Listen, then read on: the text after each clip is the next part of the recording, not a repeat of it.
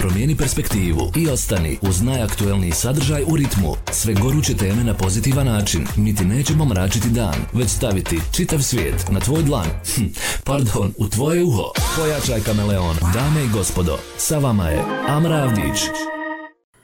Dobar vam dan, vi gledate i slušate Internaut Show na Radio Kameleonu. 11. februara igra se osmina finala Evropskog uh, kupa kada rukom, e, rukometni klub Sloboda igra protiv ekipe Krke iz e, Novog mjesta Slovenije u Tuzli i bit će ovo jedna velika i važna utakmica. O svemu ovome, ali i generalno o ekipi uh, rukometnog kluba Sloboda razgovaramo sa legendarnim BH golmanom rukometne reprezentacije Bosne i Hercegovine i pomoćnim trenerom u rukometnom klubu Sloboda, gospodinom Damirom Cipurkovićem. Dobar dan, dobro nam došli. Dobar dan vama i pozdrav vašim gledalcima. E, hvala vam puno. Znamo da je ovo vjerovatno jedan intenzivan period priprema koji predstoji pred ovu utakmicu 11. februara. Pa evo, negdje podrazumijeva se to pitanje, ali zaista kako teku pripreme i, i kakva je atmosfera trenutno u klubu? Pa pripreme teku sasvim normalno, inače mi da ne igramo ovu evropsku utakmicu nama bi e, prvenstvo počeo baš upravo ta, u, e, tog datuma. Ali eto, potrafilo se da mi ovaj, u, u ovom terminu igramo tu evropsku utakmicu i ono što se tiče priprema, pripreme teku svojim tokom, onaj, počeli smo raditi 8. odnosno ja, da, 8. prvoga i otprilike to je neki mjesec dana bilo ovaj sasvim dovoljno da se pripremimo za ovu prvu utakmicu evropsku koja nas očekuje protiv Krke iz Novog mesta.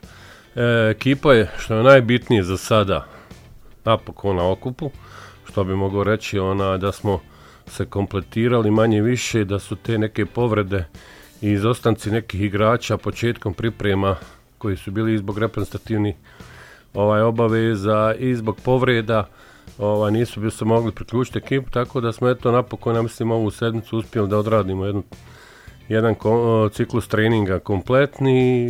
Mislim da eto večeras igramo utakmicu protiv Osijeka prijateljsku koja će nam biti generalna proba pred ovaj meč sa Krkom. ono što je interesantno, ovo je veliki uspjeh, ali prije svega da jedna ekipa prezimi u Europi. koliko, koliko je naporan bio taj put Nekako mi se čini, sad to je neko moje subjektivno mišljenje, da ne dešava se često da imamo toliko radosti u nekim sportovima, makar kada je riječ o Bosni i Hercegovini. E, s vama to nije slučaj, pa evo, koliko je naporan bio put do ove pozicije i što mislite da je zapravo bio ključ koji vas je doveo tu gdje jeste?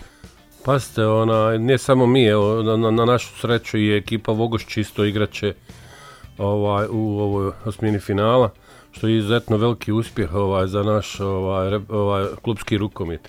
Ono što je bio problem proteklih godina što nismo imali možda kvalitetu, što smo par godina neke ekipe sa financijskih e, situacije otkazivale učešću u Europi, tako da je bosanski onaj, rukomito izgubio rating onaj, što se tiče Europske ovaj, rukometne federacije.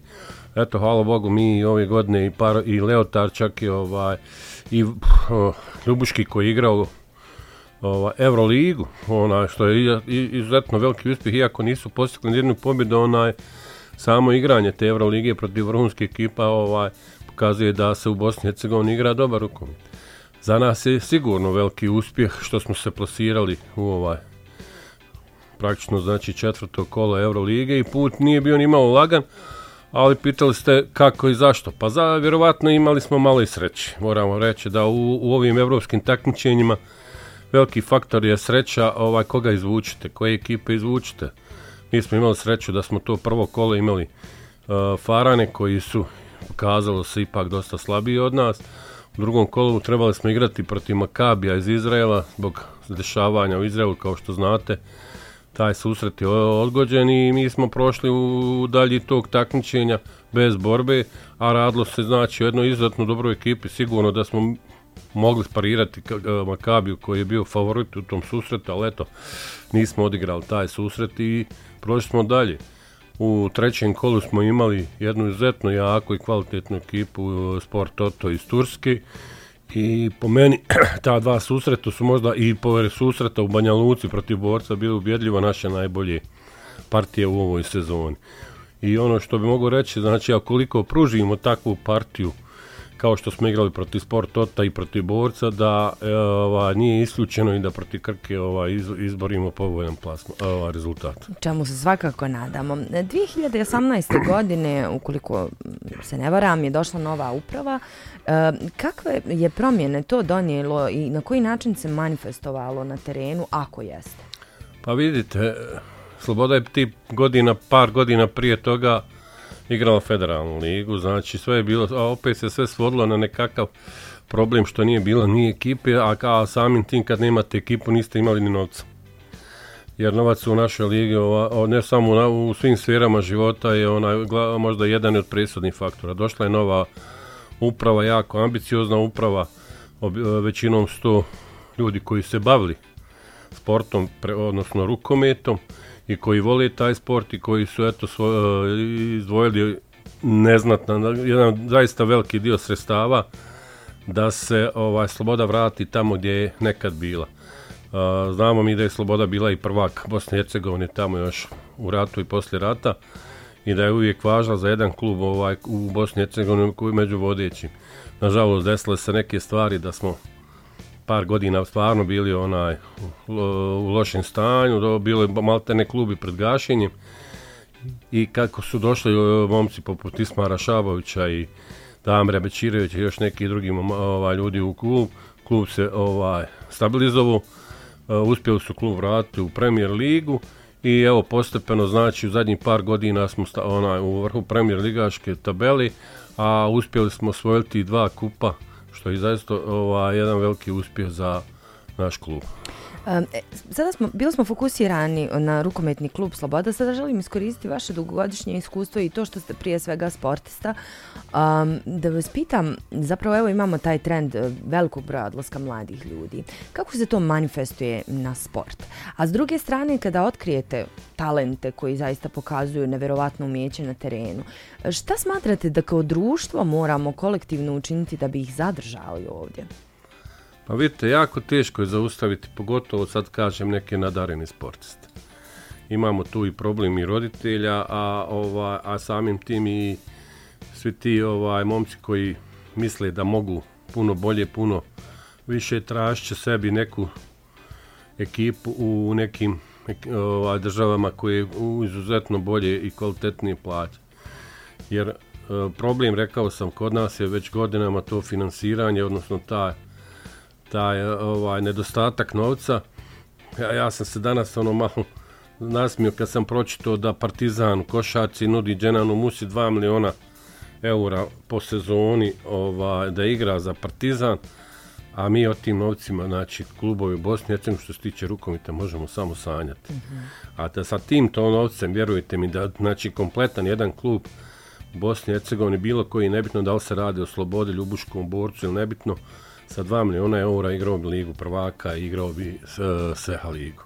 Jer su ogromne, ogromne razke ovaj, što se tiče financija u rukometu spram košarke, futbala, da ne govorimo i o odbojki. Ovaj. I to je taj problem o čemu ovaj, mi ne možemo uticati da neki talentovani naši igrači ovaj, odlaze vani, jer odlaze i za normalno i za nekim svojim ovaj, znači satisfakcijom za svojim nekim egzistencijom, a samim tim ovaj, odlazi za nekim svojim napredovanjem. Ukoliko osjete da mogu, odnosno klubovi neki kako im traži ovaj, da idu vani, onda ja, ja sam uvijek za to. Čak smo i ja ovaj, uticao na neke transfere s mojih nekih igrača koji, s kojima sam, koji su me zamolili da im pomognem da odu negdje u neke sredine i ovaj, pokušam na taj način da im pomognem da oni ne samo da zarade nešto, nego jednostavno da pokušaju da napreduju, jer, samo, jer nismo do proteklih godina imali taj kvalitet i vidlo se evo sad i na europskom prvenstvu da naši igrači iz domaće lige ne mogu još uvijek ovaj, konkurirati da ne kažem ovaj vrhu ili srednjoj klasi evropskog rukometa, nego čak nekim ekipama koji su blizu nas. Jasno. Ne, nemili događaj proteklih dana, uh, ne samo proteklih dana, mogli bi se mi osvrnuti i na posljednjih godinu dana. Uh, sve više mladih je na ulici, uh, onda nekako koriste te društvene mreže koje često znaju poticati na agresivnost. S druge strane imamo sport koji nas, uh, po mom mišljenju, uči i disciplini, uči nekom timskom duhu, uči nekim drugačijim vrijednostima koje nisu vezane samo za sport, nego za cijelo životno obrazovanje i usavršavanje. Zašto možda bi bilo važno da, da skrenemo pažnju i na koji način biste vi evo kazali roditeljima da možda u, u tom najmanjem dobu usmjeravaju djeci ka sportu? Šta je vama sport dao? Pa dao mi je mnogo. Kad pogledam, onaj dao mi je stvarno mnogo. Znači od mali nogu, onaj, praktično tamo od petog razda, ja sam bio uključen u neke selekcije što se tiče treninga, rada.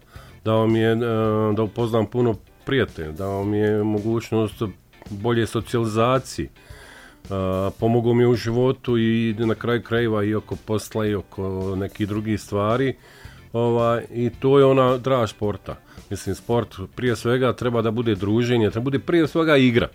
Znači, u tom nekom mladom dobu, ovaj, da to bude igra, da se to sve gleda kroz igru, da se to ne gleda kroz rezultat da se ovo što ste rekli, da se djeca maknu sa ulice, da se maknu ovaj od telefona, tableta i tome slično i da se malo više znači igraju da se, i da se samim tim druži. A sa onda dolaze i ta nekakva takmičenja gdje kroz takmičenje upoznajete druge znači ekipe, druge dru, momke iz drugih sredina gdje se sad ona upoznajete prijatelj. Pa još i kad dođu neki rezultati, onda to ima svoju još veću draž, dolaze neki pobjede, dolaze neke medalje i samim tim onaj vas usmjerava u nekom boljem životu. Šta reći dalje? Ono što sam neki dan isto jednu ovaj, na društvenim mrežama pročito jednu jako dobru stvar u bez, baš u vezi ovoga rada sa mladim uh, kategorijama gdje se ovaj, žale kao treneri, odnosno i, ne, i čak i roditelji kao tri puta sedmično trenira ili pet puta sedmično, pa onda kao to je malo obično, ovaj, ne, možda i čak nekad ispadne da je previše, ovaj, pa je onda nezainteresovanost djece da onda ovaj dolazi redovno na treninge, ovaj, a da bi uspio danas ne samo pored tih treninga moraš jako puno ulagati u sebe i ono što po meni nedostaje jako puno da bi se uspjelo, da bi se napravio nešto, da bi napravio rezultat, da bi postao igrač, uh, ona, ne kažem vrhunski, ali eto da može zadovoljiti neke naše potrebe, nedostaje igre. -huh. Baš kad razmišljam nekako, to neko moje vrijeme ili poslije mene, jako puno smo provodili vremena vani, igrajući se znači i, i na igralištima ispred kuća, zgrada, uh, škola, pa ono po nekim parkićima, šumicama trčao si i imao si tu već znači neku prirodnu motoriku, a ne da dolazimo sad ovaj samo da odradimo taj sat, sat i po treninga koji je nedovoljan za, po meni, za djecu uzrasta nekog, ajde da kažemo, 10 do 15 godina je sasvim nedovoljan da bi oni popravili te svoje motoričke e, sposobnosti jer nisu već u tom startu, u tom mladom dobu ovaj uspjeli da ojačaju mišiće, mišićnu mastu, kosti i sve to. I onda ako, kad počnu malo ozbiljnije malo onaj raditi, kad počnu malo ozbiljnije trenirati, kad počnu ta takmičenja, onda dolazi do povreda koje kakvih i te povrede znaju vrlo često da udalje tu djecu od sporta. Istina. Um, kakve vas uspomene vežu za rukometnu reprezentaciju Bosne i Hercegovine? Pa jako, ah, lijepe uspomene. Neki dan sam baš imao jedna reportaža o meni na BHT jedan gdje sam, hajde kažem, u neki 12 minuta evociru uspomene, ne samo reprezentativne, nego kompletne moje karijere koja je trajala neki 45 godina. A, ovaj, mislim, to je jedno lijepo vrijeme. Pazite, ja sam onaj debito u reprezentaciji sa 32 godine.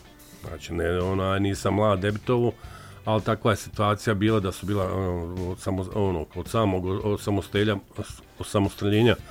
Bosne i Hercegovine, ja sam bio uključen u rad reprezentacije, tako da nisam baš mlad, sigurno da bi skupio puno, puno više i nastupa u reprezentaciji, možda i neko takmičenje veliko bi bilo iza mene, ali eto, imao sam opet 7 godina reprezentativne karijere igračke, a imao sam, boga mi, dosta, ne znam sad koliko godina, ali sa pet selektora sam bio uključen u rad ovaj, reprezentacije u stručnom štabu, što je za mene izuzetno jedna velika čast i zadovoljstvo, ovaj, jer ipak predstavljati svoju državu i nositi grb ona, svoje države i slušati himnu ovaj, pred utakmicu je zaista nešto veličanstveno i pr pručio bi svakom onome da tu nema pa, tu ne, ne, ne, ne vrijedi nikakva pravila, tu ne vrijede nikakve onaj, da kažem, onaj, pare i bilo šta, kad izađeš na teren, onda samo treba da misliš kako na najbolji način da odradiš, da, da pokušaš da dobiješ tu utakmicu i da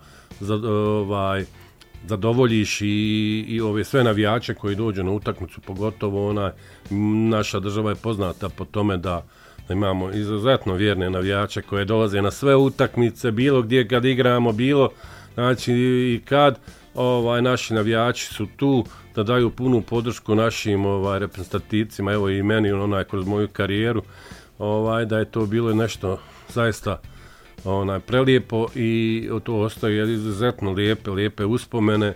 Ovaj pa nadam se da ajde opet možda ne, nikad ne reci nikad ono kad sam završio tu reprezentativnu karijeru 2016. i u stručnom štabu rekao sam da neću više se posvećivati tome, ali, ali opet nikad se ne zna, možda nekad opet iskrsne nešto i nadam se tim lijepim opet susretima sa našim navijačima. Pa to želimo i vama, a i nama. E, I evo za kraj, e, pored utakmice o kojoj smo govorili, šta je ono što predstoji e, rukometnom klubu Sloboda, zašto se još spremate, kako će izgledati ovih nekoliko narednih mjeseci? Pa vidite, znači mi sad igramo te dvije utakmice protiv Krke iz Novog mjesta, 11. i 18. drugog. Samim tim smo morali odgoditi prva dva kola našeg prvenstva ovaj, protiv Sloge i protiv uh, Krivaje, tako da ćemo odmah, znači, posle tih susreta protiv Krke morati već da igramo srijeda, subota, ovaj, da nadoknadimo te utakmice i očekuje nas izuzetno težak period, znači, od, od, od druge utakmice u novom mestu, kad praktično igramo gore u nedelju, već smo, znači, u, u srijedu biti smo domaćini uh, Slogi, pa idemo u Žvinice, pa srijeda opet konju, pa sa, subota, znači, imat ćemo u nekih, hajde kažem, 15 20 dana, izuzetno pet jakih teških utakmica.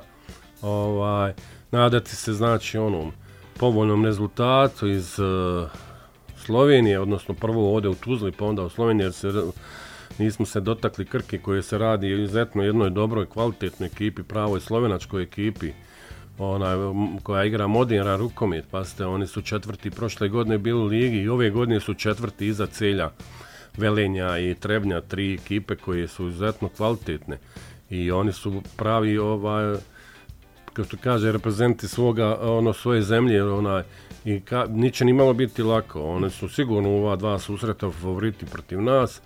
Ali eto, mi se nadamo da ćemo ovaj, dati maksimum od sebe, da ćemo pokušati da da onaj, u svakom slučaju onaj prođemo dalje jer to bi bio tek onda veliki uspjeh onaj, ne samo ovaj, bosansko-hercegovačkog rukometom posebno našeg tuzlanskog, jer znači nijedna naša ekipa, sem pa ovo sad posleratnom periodu nije uh, u evropskim takmičenjima dogurala ovako daleko kao što smo mi.